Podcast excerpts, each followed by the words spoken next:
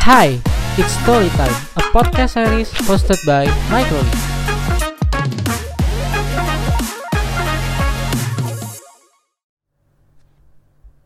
Oke, welcome to eh salah udah beda intronya.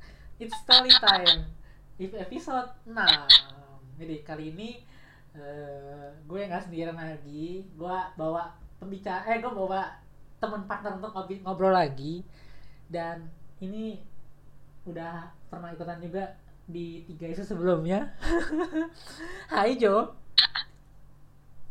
Hai semua pendengar podcast ini.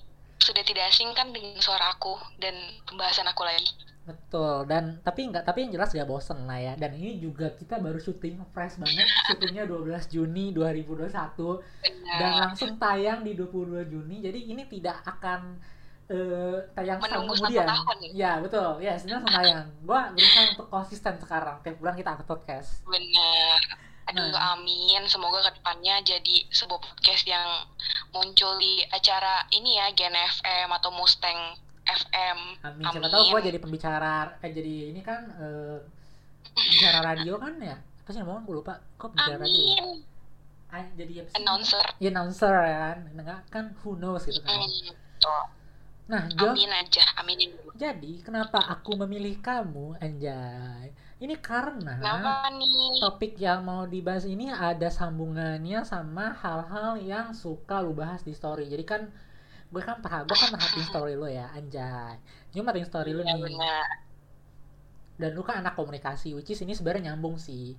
Jadi yang akan gue bahas adalah tentang eh, garis besar adalah tentang fact checking cek fakta cek fakta Oke Jadi kan, betul betul. hmm, dan gue sering banget kan lu sering bahas soal yang kita tahu lah Indonesia kan suka banget banyak banget berita hoax yang tersebar dan itu mengganggu banget ya kadang. Apalagi kadang suka mak-mak grup WhatsApp kan bapak-bapak grup WhatsApp suka percaya-percaya aja langsung broadcast. Iya, Bang. we don't know kan ya kan ada yang begitu kan. Hmm, nah jadi gue mau bahas ini nih karena eh, sebenarnya yang jadi sorotan itu bukan cuma si ibu-ibu mak-mak WhatsApp doang nih ya. Atau bapak-bapak. Ya, karena eh, beberapa beberapa minggu yang lalu kalau nggak salah gue sempat lihat di Instastory. Jadi ada salah satu ada salah satu musisi dia ini tuh eh, nuntut hak royalti atas lagunya dia ke stasiun Korea dengan bilang katanya kalau misalnya stasiun Korea itu nggak bayar royalti ke dia gitu. Padahal ternyata setelah setelah dicek dan bla bla bla itu ternyata udah dibayar Jo royaltinya. Jadi dia udah keburu nyebarin informasi salah dan fansnya dia udah nyerang stasiun TV itu dan nyerang juga ke produser acara itu. Padahal kan sebenarnya nggak begitu gitu dan akhirnya sampai sekarang pun setahu gue masih berlangsung sih karena kebetulan musisinya tuh gak konfirmasi secara langsung cuma kayak satu instastory dia cuma bilang kayak ternyata udah dibayar terus selesai gitu kayak kayak nggak terlalu gimana gimana gitu loh jadi kayak masuk gua lu nyebarin informasi hoax itu kan impactnya tuh bukan cuma orang yang dengar dapat informasi yang salah. Dia aja tapi kan korbannya juga kan Benar. jadinya kayak bisa bisa dapat tekanan mental atau apa kita kan kita kan juga nggak tahu kan ya. Karena kan tiap orang kan beda beda kan tekanan mental. Bener banget. Dan ini banget dan ini juga nyambung ke kondisi gue di dua tahun yang lalu karena kan kebetulan di kampus gue dulu kan juga haha hoaxnya kan gue itu suka minta foto yang gak bener kan. Terus itu habis itu orang-orang pada percaya nih tanpa konfirmasi. Maksud gue emang kayaknya tuh orang Indonesia tuh emang eh, gampang banget ya percaya sama informasi yang tersebar. Maksud gue mereka langsung percaya percaya aja nih sama informasi yang tersebar. Karena gue juga baru-baru ini eh, coba eksperimen lagi nih. Gue bikin story gitu kan. Seolah-olah gue punya pacar gitu kan. Karena nggak punya coy gitu kan. Dan orang tuh percaya coy. Orang beberapa kali ketemu gue kayak eh pacaran kan sama si ini? Lu pacaran sama si ini? Padahal enggak cuy. Gang gue langsung kayak selamat. Anda kena kena tipu gitu kan. Maksud gue ini eksperimen ya. yang memang gue lead untuk podcast ini gitu. Maksudnya kayak gue penasaran sih Jo kan lu anak komunikasi ya dan lu pasti belajar dong. Maksud gue emang emang separah itu ya. Orang Indonesia tuh emang bener-bener emang gak bisa ya eh fact checking dulu. Mereka langsung main percaya percaya aja. Itu bener gak sih Jo? nah oke. Sebelumnya itu dulu gue pernah ngelakuin satu eh, penelitian. Jadi ada tugas gitu dari sekolah untuk tahu eh, tentang kasus ini juga nih. Kayak masyarakat Indonesia tuh mayoritas kenapa sih mudah banget percaya sama hoax. Kenapa mudah banget hoax tuh mempengaruhi mereka?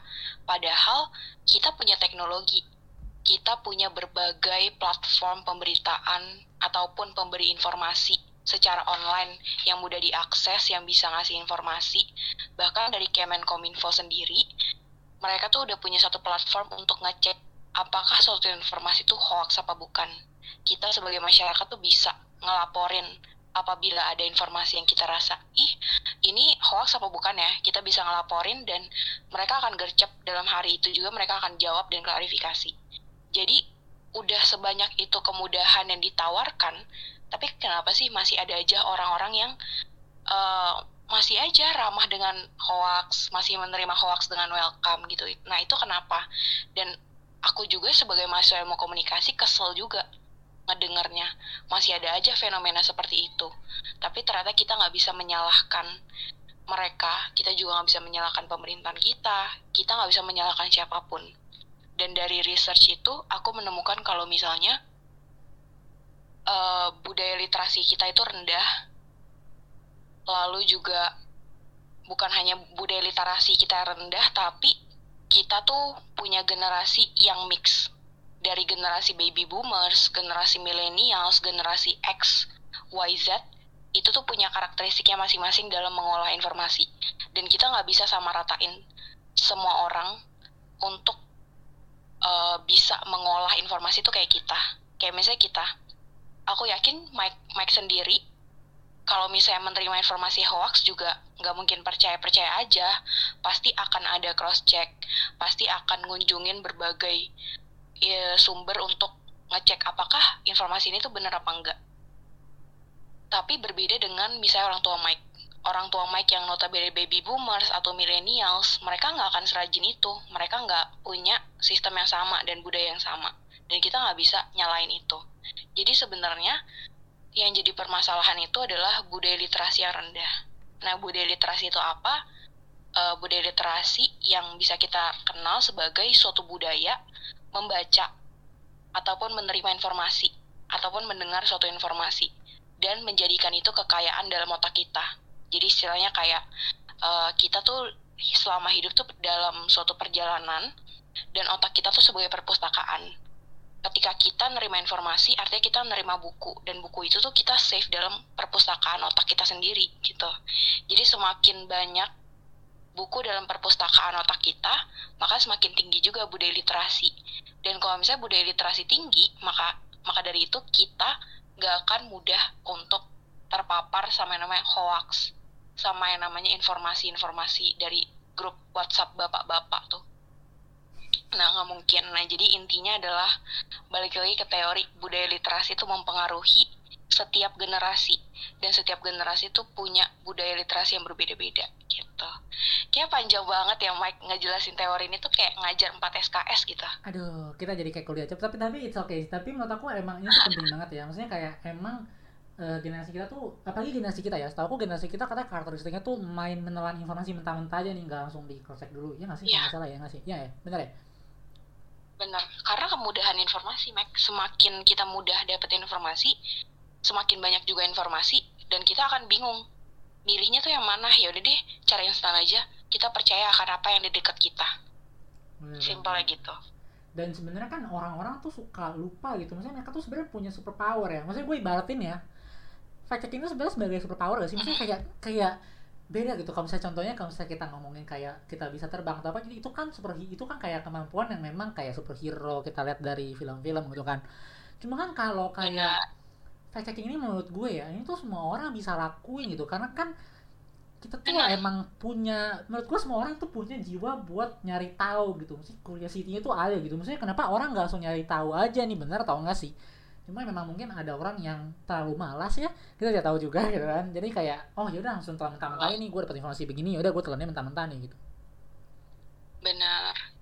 Dan jadi budaya sih Mike. Kalau tadi kita bahasnya secara teori sekarang kita bahasnya secara praktisnya hmm. secara prakteknya maksudnya hmm. kalau secara prakteknya kalau misalnya orang yang punya literasi rendah mereka akan males untuk yang namanya berhubungan sama informasi-informasi jadi kalau dia dengar ini dari satu orang ya udah dia akan mendengar hal itu dan dia akan percaya dalam jangka panjang bahwa apa yang dikatakan orang itu adalah hal yang benar gitu. Nah, terus uh, ini juga bisa dipengaruhi sama orangnya, orang yang menyebarkan informasi tersebut. Apakah dia kredibel apa enggak? Bisa jadi, misalnya uh, kita kasih contoh um, dokter Tirta yang ya mungkin teman-teman udah tahu sendiri ya, dia famous banget pas COVID sebagai dokter milenial yang uh, nyentrik tapi punya personality yang lumayan baik juga menurut aku ya. Dokter Tirta itu sebagai orang yang kredibel. Kalau kita tanya tentang COVID, dia pasti bisa jawab. Kalau kita tanya tentang komentar-komentar terhadap isu-isu, dia pasti bisa jawab. Tapi, gak selamanya dokter Tirta itu benar. Tapi yang kita tahu adalah dokter Tirta itu akan selalu benar karena dia posisi sebagai dokter milenial dekat dengan masyarakat mudah beredar di media sosial mana pun kita ngerasakan dekat ketika kita ngerasa dekat apa pun yang dia omongin kita akan merasa bahwa itu benar. Tapi hal yang gak kita sadari adalah gak selamanya orang itu benar. Yes gak selamanya kita harus kita harus mempercayai orang tersebut. Sama kayak gue nah, kan. kenapa? Sama kayak mm, gue kan. Gue nge story gue nge story gue emang suka sih bagi informasi bener-bener. Cuma kalau saya gue tiba-tiba nge story pacaran atau apa kan sama tanda kena tipu-tipu. Bener banget. Kan meskipun Mike tuh kelihatannya ih orang yang kredibel banget nih. Orang yang kalau nge-share informasi nggak pernah salah deh. Orang yang bener deh pokoknya.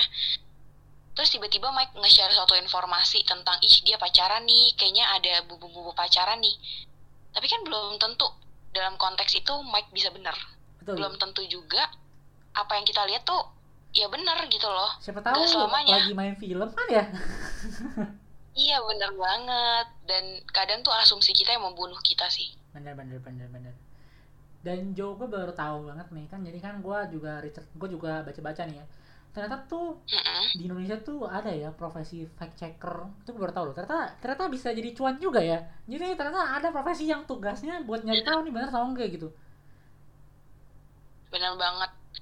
Nah ya, ini sebenarnya aku tahu ketika aku kunjungan ke uh, kantor Kemenkominfo mm-hmm. jadi memang benar profesi itu ada benar-benar ada dan itu tuh udah sejak lama banget jadi semenjak uh, apa namanya fenomena hoax itu mulai merebak hmm. pada saat uh, isu-isu penting kayak misalnya pemilu atau isu-isu penting lainnya ketika pilkada segala macam isu eh, isu hoax itu kan menjadi permasalahan besar banget ya di negara kita.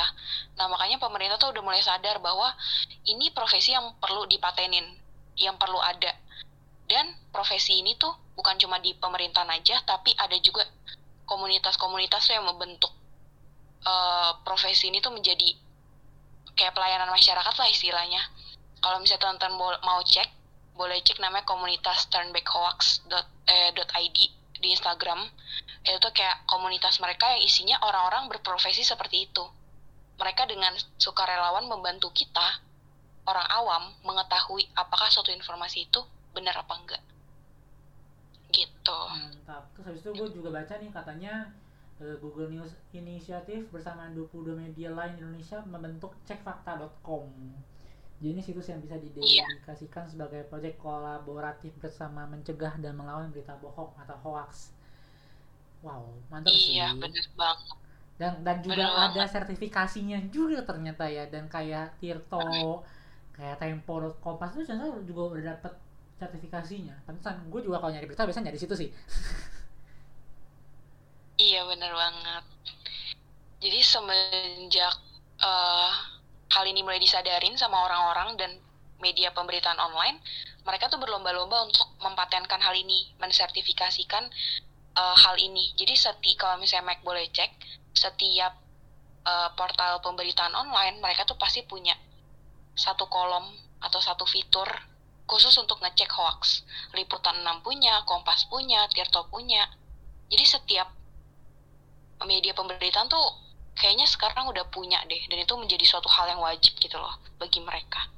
Jadi kayak udah semudah itu loh mengecek suatu fakta atau hoax. Benar benar benar. Gitu. Cuman kalau misalnya kita mau ngomongin yang kayak Uh, kalau itu kan berita-berita yang maksudnya yang tadi kita bahas kan berita-berita hoax yang kayak misalnya kayak kadang kan suka ada tuh kayak oh ternyata dana dana dana APBD di, dikelocorkan untuk ini. Tapi ternyata kan faktanya begitu. Itu kan kita bisa langsung cek ya? Lewat online. Cuma saya kayak contohnya kayak tadi nih kayak misalnya kayak contohnya kayak musisi yang instastory kalau misalnya dia nggak dia nggak dapat royalti itu kan itu kan sebenarnya Iya, kan benar. nyusahin banget ya buat dicek kan. Itu kan agak susah karena kan itu kan menyangkut data pribadi si perusahaan gitu kan. Mm-mm. dan kalau misalnya kita mau nekanin kenapa sih orang-orang bisa percaya gitu? Berarti kan kita lebih nyorotin ke tadi ya kan eh, kita ngerasa kalau misalnya sosok yang membagikan itu kredibel. Ya nggak? Kira-kira ada nggak sih Jo selain itu yang jadi penyebab oh orang bisa percaya nih sama informasi yang disebarin sama orang itu tanpa nyari tahu dulu nih bener atau enggaknya Oke, kalau menurut aku kita kadang ngelihatnya dari orang lain, dari eksternal, tapi kita lupa bahwa diri kita juga berperan. Eh, alasan yang membuat kenapa sih kita mudah banget terpapar hoax, kenapa sih ini segala macam? Ya balik lagi ke diri kita. Diri kita yang nggak punya sikap skeptis yang tinggi. Artinya skeptis itu kan ketika kita nerima informasi kita nggak akan percaya dulu jadi kayak istilahnya kita punya sedikit trust issue terhadap semua informasi. Jadi setiap informasi yang kita terima harus kita cek lagi. Kita skeptis banget nih. Ah kayaknya nggak mungkin deh. Ah ini nggak mungkin bener deh. gak sih Dan gitu itu ya adalah yang kayak gitu kan baik. Bener banget. Kita justru harus punya keskeptisan itu dalam diri kita untuk nerima informasi. Biar apa? Ya biar kita nggak mudah terpapar informasi yang nggak bener. Dan itu menguntungkan diri kita memang sih jadi skeptis tuh ribet banget. Mesti uh, telat nerima informasi. Jadi misalnya orang-orang udah tahu informasi ini satu hari kita baru tahu lima hari. Itu emang lama banget karena untuk mendapatkan kebenaran it takes a time. Nggak bisa instan. Benar benar benar. Gitu jadi perlu ditanamin rasa skeptis aja dalam diri kita sendiri. Jangan menyalahkan sistem eksternal terus gitu benar, gitu benar. deh Kalau dari Mike sendiri, eh, boleh nggak nih Mike ceritain apa sih yang ada di pikiran Mike kalau misalnya ngedengar orang tuh mudah banget nih terpapar hoax. Menurut Mike tuh gara-gara apa sih? kalau aku sih simpelnya mereka memang tidak eh, gimana ngomongnya ya itu mungkin kalau menurut aku sih lebih ke kemampuan akademis gak sih maksudnya kayak mereka tuh nggak dapat pendidikan yang tepat jadi kayak nggak konsep dulu kan kayak ibaratnya kalau kita sekolah aja nih mau nyari jawaban PR cari-cari dulu nggak sih di buku atau nggak cari dulu di mana Iya. gitu kan untuk untuk konsep bener nggak sih jawabannya ini gitu kan. Jadi maksud aku mungkin karena memang mereka nggak punya momen itu jadi mereka juga nggak terlalu paham gitu. Kalau kita kan emang mungkin udah terbiasa kayak oh ya apa apa eh bener nggak sih ini cari dulu gitu kan. Jadi kayak mungkin itu. Terus juga selain itu ya itu terlalu percaya aja sama orangnya atau mentah-mentah aja sih kayak oh iya nih begini nih. Oh si ini hamil. Oh si ini terbang. Oh si ini bisa naik pesawat ke ruang angkasa nih gitu kan. Kayak main percaya percaya tanpa tanpa cari tahu benar atau enggaknya gitu. Itu menurut aku sih yang yang memang jadi poinnya sekarang. Nah cuma kan kayak kayak jeleknya berita hoax yang bukan dalam skala besar ini kan adalah hoax skala kecil itu kan menurut aku malah impactnya lebih parah. Karena kan biasanya hoax skala Iya. Itu tuh mereka itu cenderung tidak akan pernah bisa ketemu faktanya. Maksudnya karena gak ada pihak yang menerima informasi yang berusaha untuk konfirmasi ke orang yang jadi korbannya gitu loh. Kan nggak mungkin kan? Misalnya nih Benar. misalnya gini nih. Misalnya eh, kamu dengar ada orang ngomong gini wah si Michael Lee beli gedung tuh satu lantai di Jakarta Selatan misalnya dia ngomong gitu kan.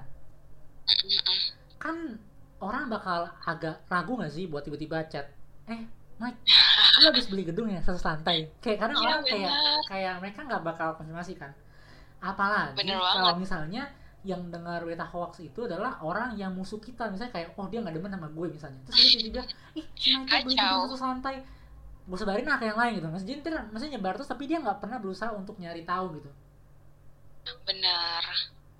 Benar banget. Nah itu kan, itu yang, yang impact yang menurut gua karena mereka itu nggak bisa mengomunikasikan langsung ke orangnya. Dan kalau misalnya kayak, oh ya oke lah, kalau misalnya tadi gue bilang kayak, oh iya nih gue punya satu lantai. Itu kan sebenarnya kalau misalnya lu mau sebarin hoax, kalau misalnya lu mau sebarin beneran, itu sebenarnya nggak berimpact pada hidup gua. Maksudnya kayak ya udah gitu. Malah kayak gua salah lagi didoain itu kan dapet gedung satu lantai.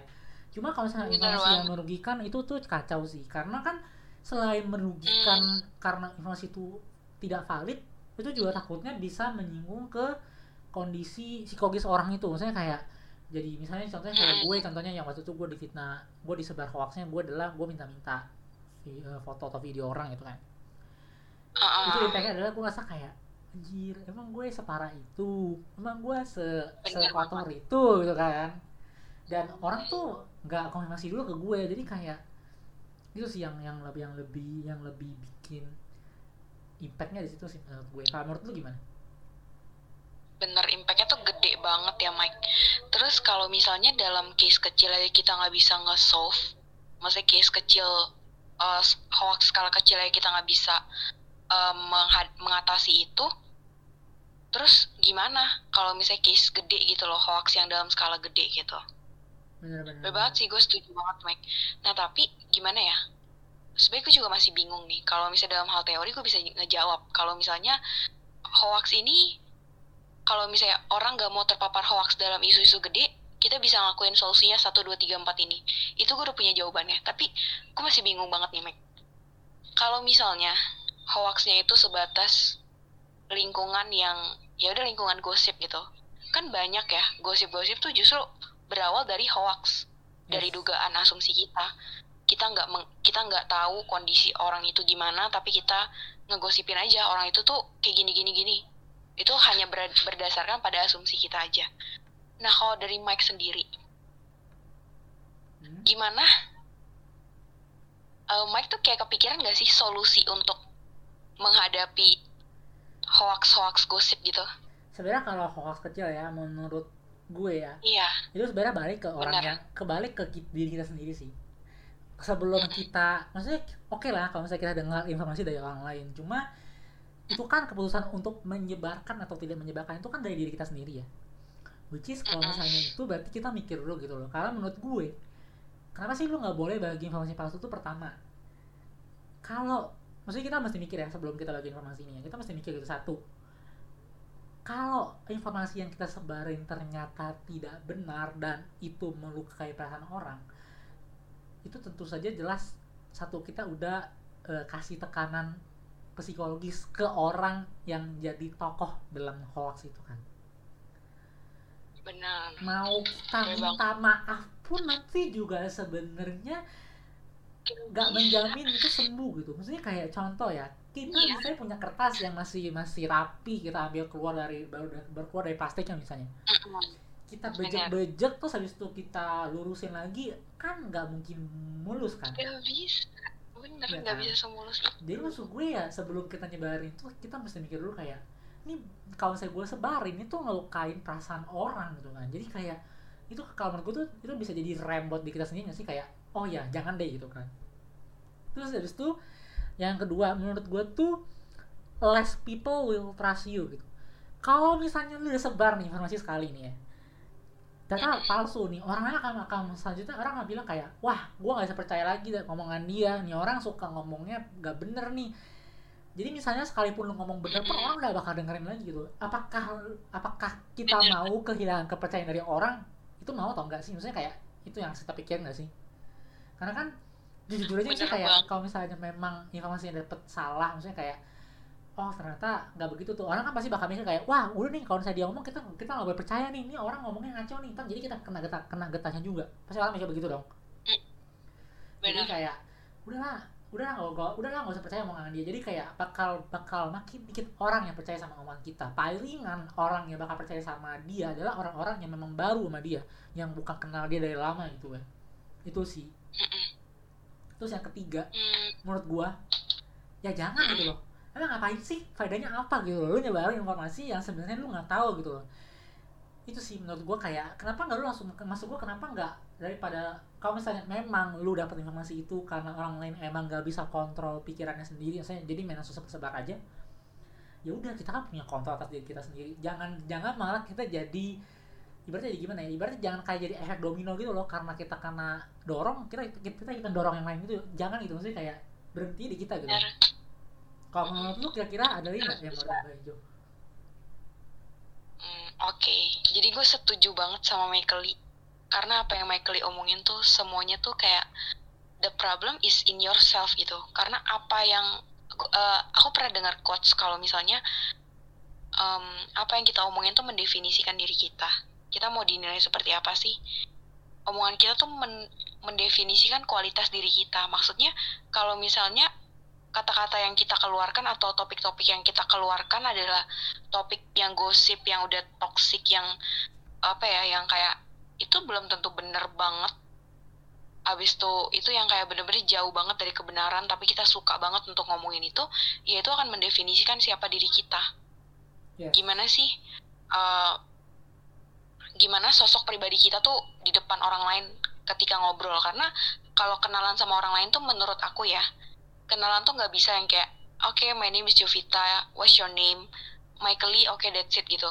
Menurut aku aku kenalan sama orang tuh dengan cara ngobrol.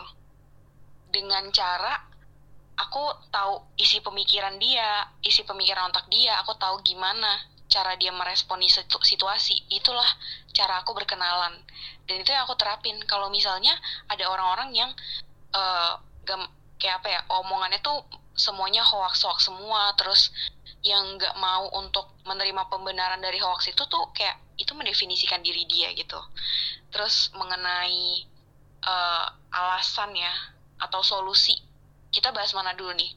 Alasan orang uh, menerima hoax dalam gosip-gosip atau solusinya nih Mike? Alasan dulu alasan dulu alasan dulu. Oke alasannya bener sih. Aku setuju banget sama kamu kayak yang kamu jawab tuh udah bener itu balik lagi ke diri dia sendiri. Apakah dia adalah orang yang apa ya gimana ya sebutannya tuh punya literasi yang tinggi apa enggak dalam memproses informasi itu mempengaruhi dia. Terus aku juga setuju mengenai apa ya uh, bukan setuju banget sih maksudnya kayak latar belakang pendidikan tuh juga mendukung. Aku juga punya temen yang uh, sorry banget nih latar pendidikan dia dia cuma tamat SD doang tapi da, uh, dia tuh ngeresponi hoax tuh bijak banget gitu. Jadi sebenarnya balik lagi ke tingkat kedewasaan dia kebijakan dia dalam meresponi informasi gitu. Dan kalau misalnya menurut aku solusinya adalah ya udah kita batasin diri kita untuk enggak terjun ke dalam hoax-hoax itu. Kalau misalnya dalam temenan kan ada yang orang yang pernah bilang kalau misalnya nggak ada gosip tuh nggak seru emang bener. Aku aja tuh masih sering suka gosipin orang tuh sering banget. Dan itu topik yang seru banget. Tapi kita bisa membatasi diri kita. Sejauh mana sih kita gosipin orang? Kalau aku sama teman-teman aku nggak gosipin orang kita akan cari tahu kenapa dia tuh berbuat demikian. Kita akan masih gimana ya? Uh, gosip yang baik lah ya. Gosip yang sehat gitu. Sehat, jadi kita gosipin orang. Iya bener banget. Kita gosipin orang tapi kita cari tahu juga kenapa sih orangnya bisa kayak gini terus apa sih yang bisa kita lakuin untuk membantu dia? Dan itu menurut aku yang gosip tuh yang gak gampang terpapar hoax. Karena keinginan gosip kita tuh bukan cuma untuk ngomongin orang tapi keinginan gosip kita tuh juga untuk berperan dalam hoax itu. Bisa gak sih kita ngebantu dia? Bisa gak sih? Ada yang gak sih yang bisa kita lakuin sebagai teman dia dalam case ini? Gitu sih. Benar benar benar solusinya aja solusi kalau solusinya Hmm, menurut aku sih membatasi diri kita aja. Dan memunculkan rasa skeptis dalam diri kita. Karena itu penting banget. Skeptis tuh emang apa ya ribet banget. Gak enak banget.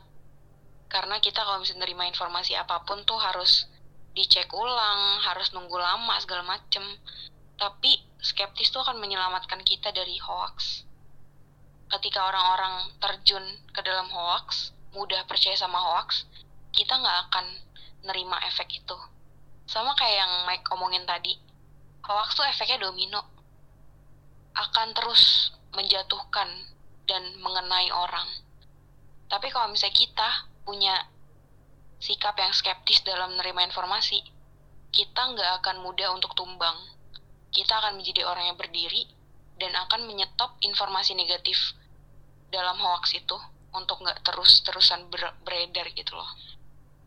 Dan kita tahu mana informasi yang perlu kita jatuhin, mana informasi yang perlu kita berdiri dalam uh, efek domino tersebut gitu sih betul betul betul dan menurut gue sebenarnya gosip itu nggak bakal berhenti. Misalnya kayak mau sampai ke tahun berapapun gosip itu bakal tetap ada. Cuma hmm. gimana ya ngomongnya? Gosip itu tuh ada karena memang semua manusia itu bersosialisasi gitu. Jadi ya udah gitu. Itu emang emang harus hal yang memang harus kita terima. Cuma maksudnya gimana caranya agar gosip kita tidak melukai perasaan orang itu. Jangan sampai yang dos dari gosip malah jadinya nyebar ke mana-mana hoax dan akhirnya orang semua orang jadi heboh sendiri dan ternyata melukai perasaan si korban ini loh. Itu sih bener banget. harus jadi perhatiannya orang gitu kan. Bener-bener. Terus aku pernah keinget nih Max sama satu quotes atau satu omongan orang lain mah orang-orang yang ngomong ngomongnya tuh pedes. Maksudnya kayak dia ngomong gak mikirin perasaan orang lain. Dia ngomong asal ngomong. Yang penting apa yang dia pengen utarain tuh tercapai nah orang-orang itu tuh adalah yang kita sebut sebagai orang-orang egois dalam ngomong ya. Dia sana sini ngelukain hati orang dia nggak peduli dia nggak sadar. Nah orang-orang itu adalah orang-orang yang mainnya kurang jauh. Bener gak sih Mike? Maksudnya main kurang jauh tuh bukan masalah jarak ya. Maksudnya kayak bukan lo main ke Bo Jakarta Bogor tuh udah jauh tuh bukan gitu. Experience-nya. Bener banget.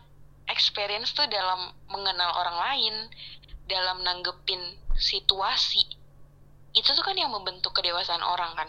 Yes kalau misalnya orang yang kayak misalnya nih kayak katak dalam tempurung ya udah dia cuman asik sama dunia sendiri. Ketika dia keluar dari dunianya dia akan shock. Hah ternyata sekeras ini ya. Makanya ngerespon dia tuh dengan cara ngerespon yang negatif.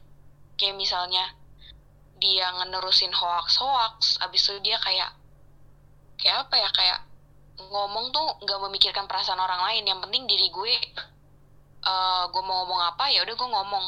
Dan gue nggak peduli apa yang lo rasain gitu. Nah menurut Mike sendiri nih ketika orang yang kita bisa bilang sebagai orang yang egois dalam ngomong itu salah satu faktornya bener gak sih? Gara-gara dia mainnya kurang jauh masuk akal sih. Bahkan yang nyebarin informasi yang kayak hoax langsung nggak ada konfirmasi juga tuh sebenarnya orangnya mainnya kurang jauh. Karena mereka belum melihat dunia secara keseluruhan. Jadi kayak benar-benar sempit cuma situ doang. Jadi kayak mereka terima-terima aja sih. Jadi masuk akal sih sebenarnya. Orang yang main kurang oh, jauh tuh masuk bener banget bener. Bener setuju, banget. Aku setuju banget. Dulu tuh aku nggak paham konsep ini. Nggak paham kayak kenapa sih ada orang yang ngomong mainnya kurang jauh gitu. Maksudnya gue harus ke Bogor dulu kah? Atau gue harus ke Kalimantan dulu kah biar mainnya kurang jauh? Mm-hmm. tapi setelah melalui perjalanan yang cukup panjang dalam hidup gue baru tahu konsepnya tuh ketika kita main main jauh maksudnya kita mengenal dunia yang lebih luas lagi kita akan punya sudut pandang yang berbeda dalam melihat sesuatu. Kita nggak akan mudah untuk melukai perasaan orang lain kita akan lebih aware dan bisa merasakan orang ini tuh gimana sih? Kalau misalnya kita tuh uh, berada dalam uh, posisi mereka kita lebih aware gitu loh. Jadi kita nggak akan mudah untuk nyebarin hoax gitu aja karena kita mikirin kalau misalnya gue ada di posisi orang yang digosipin gue bakal sakit hati nggak ya? Gue bakal kena impact apa ya kalau misalnya gue gosipin ini segala macem gitu jadi kayak dengan main main main jauh dengan punya life experience yang lebih tinggi kita akan mudah untuk ngefilter kata-kata kita ngefilter otak kita untuk percaya nggak sih sama hoax ini gitu jadi kayak aduh cetek banget sih orang nyebarin hoax ini tuh kayak nggak banget lu bocah banget gitu loh ngegosipin hal ini doang gitu loh betul, itu betul, sih betul. pemikiran aku setuju setuju oke okay. Uh, closing statement Jo. Dari lu kira-kira uh, apa nih yang mau lu tekenin tentang fact checking ini dan hoax hoax ini? Kira-kira apa sih yang mau ditekenin? Oke okay, kalau dari gue sih sebenarnya uh, jangan jangan menyalahkan situasi keadaan eksternal tapi lihat dulu diri kita. Diri kita tuh udah cukup bener belum sih untuk terjun ke dunia luar dari diri kita dan lebih mentingin orang lain aja ketika kita nyebarin hoax ketika kita menerima informasi hoax kita harus pikirin orang yang ada di posisi itu try to put your feet in other people's shoes. Berusaha untuk memposisikan diri kita, makanya kita bisa tahu, kita bisa berempati. Kalau kita nyebarin informasi ini, mereka akan kayak gimana ya? Mereka akan sedih ataukah uh, psikologisnya terganggu kayak Mike tadi. Kalau misalnya aku digosipin sebagai orang yang gak bener di kampus, aku bisa itu gosip yang asik banget Mike. Kalau aku bisa bilang ya, hmm. itu gosip yang aduh ini hot news banget nih kayak semua orang tuh perlu tahu. Tapi aku memilih lagi dalam diri aku tuh kalau aku di posisi Mike digosipin kayak gitu, aku mau nggak? Aku nggak akan mau. Yes. Jadi ya udah aku nggak akan sama sekali kayak meneruskan informasi itu atau kalau misalnya Mike adalah teman dekat aku, aku akan tanya langsung ke Mike untuk mengkonfirmasi hal itu. Karena aku tahu Mike itu bukan orang yang seperti itu. Kita punya asumsi tentang orang, kayak dia nggak mungkin kayak gitu deh. Ya udah, untuk memastikannya kenapa nggak langsung kita tanyain gitu. Tapi harus menimbang juga sih, apakah orang itu tuh mau ditanyain apa enggak. Terus dalam posisi itu tuh mereka tuh butuh di uh, diberi empati atau di didengerin atau butuh kita tahu klarifikasinya segala macam. Gitu sih. Jadi uh, coba untuk posisikan dirimu di posisi orang, orang yang, pengen kamu gosip. betul. Bener banget. Okay. kalau dari Max sendiri dari gue gimana? intinya adalah satu udahlah ngapain sih? Jangan gak usah gitu loh. Dari gue kalau dari gue intinya udah udah ini, ini satu udahlah jangan gak usah ngapain sih? Kan nggak penting kan kalau misalnya emang dapat informasinya ya udah gitu loh di kita cukup di kita aja nggak perlu disebarin dulu kalau misalnya belum benar kalau misalnya nanti kita udah benar baru ngomong tuh kan gitu kan itu itu masih mending daripada kita udah gosipin dulu tapi ternyata nggak benar itu tuh nggak banget deh ya, itu tensin banget benar itu malu banget setuju oke okay. Thank you Jo sudah ngobrol-ngobrol bareng aku di episode, di episode kali ini. Kayak episode kali ini kita sangat-sangat berbobot sekali ya. Kita kalau kita lagi kuliah ilkom guys. Iya nih kayaknya aduh kayak aku ngerasa pembahasannya tuh terlalu apa ya teoritis banget terus jalan ke sana sini kayak semoga sih teman-teman yang mendengar tuh bisa mengerti dan nangkep apa poin kita gitu sih. Yes, bisa kok. Dan sorry banget nih boring banget sih kayak ya S, uh, dua SKS aja nih kuliah mata kuliah ini fact checking. Tapi ini seru sih karena gue justru karena ini menarik menurut gue perlu banget semua orang biar lebih belajar buat nyortir nyortir ini menurut gue pas banget sih buat diupload gitu loh. Jadi makanya aku ajak dirimu untuk podcast ini gitu loh. Thank you ya Jo. Iya sama-sama. Dan aku juga senang sih kalau sharing-sharing akan hal ini. Kalau misalnya teman-teman yang pengen sharing sama aku juga boleh secara personal. Ya mau cowok-cowok mau sharing-sharing sama dia boleh banget guys. Enggak enggak enggak oh my god aku udah tahu banget nih Oke, okay, thank you Jo. Uh, mau promosi Instagram mungkin @jovitanata gitu. Siapa tahu ada yang mau follow single ready to mingle. Silahkan buat yang berminat boleh banget langsung. Uh, oh my god, ke Jovita Nata. Oh my god, kayak TV komersial ya kayak di dijual ya sekarang ya. Yes. Aku ya, nggak apa-apa. Ntar aku pasang di di judul podcastnya aku tambahin nama Instagram kamu biar, biar orang bisa langsung liatin nih gitu kan. Ya jangan lupa follow ya, tapi nggak follow nggak apa-apa kok. Oke, okay, thank you Jo. Kita sampai jumpa lagi. Semoga di episode selanjutnya ntar siapa tahu ada cocok ada, ada topik yang cocok lagi kita akan ajak Jovita lagi buat ngobrol. amin. Amin. Dan semoga teman-teman gak bosen ya dengar suara aku mulu. Hah, enggak lah gak bosen lah. Apalagi suara gue Jo dari episode 1 sampai episode sekarang mereka bosen kali. kan dirimu hostnya. Oh, iya Kalau tidak suaramu siapa lagi, Bapak? Oh, iya juga. Tapi kan bosan kan gitu. Oke, okay, thank you Jo. Bye. Sama sampai jumpa di episode selanjutnya. Bye semua. Mm -mm. Have a nice day. Goodbye.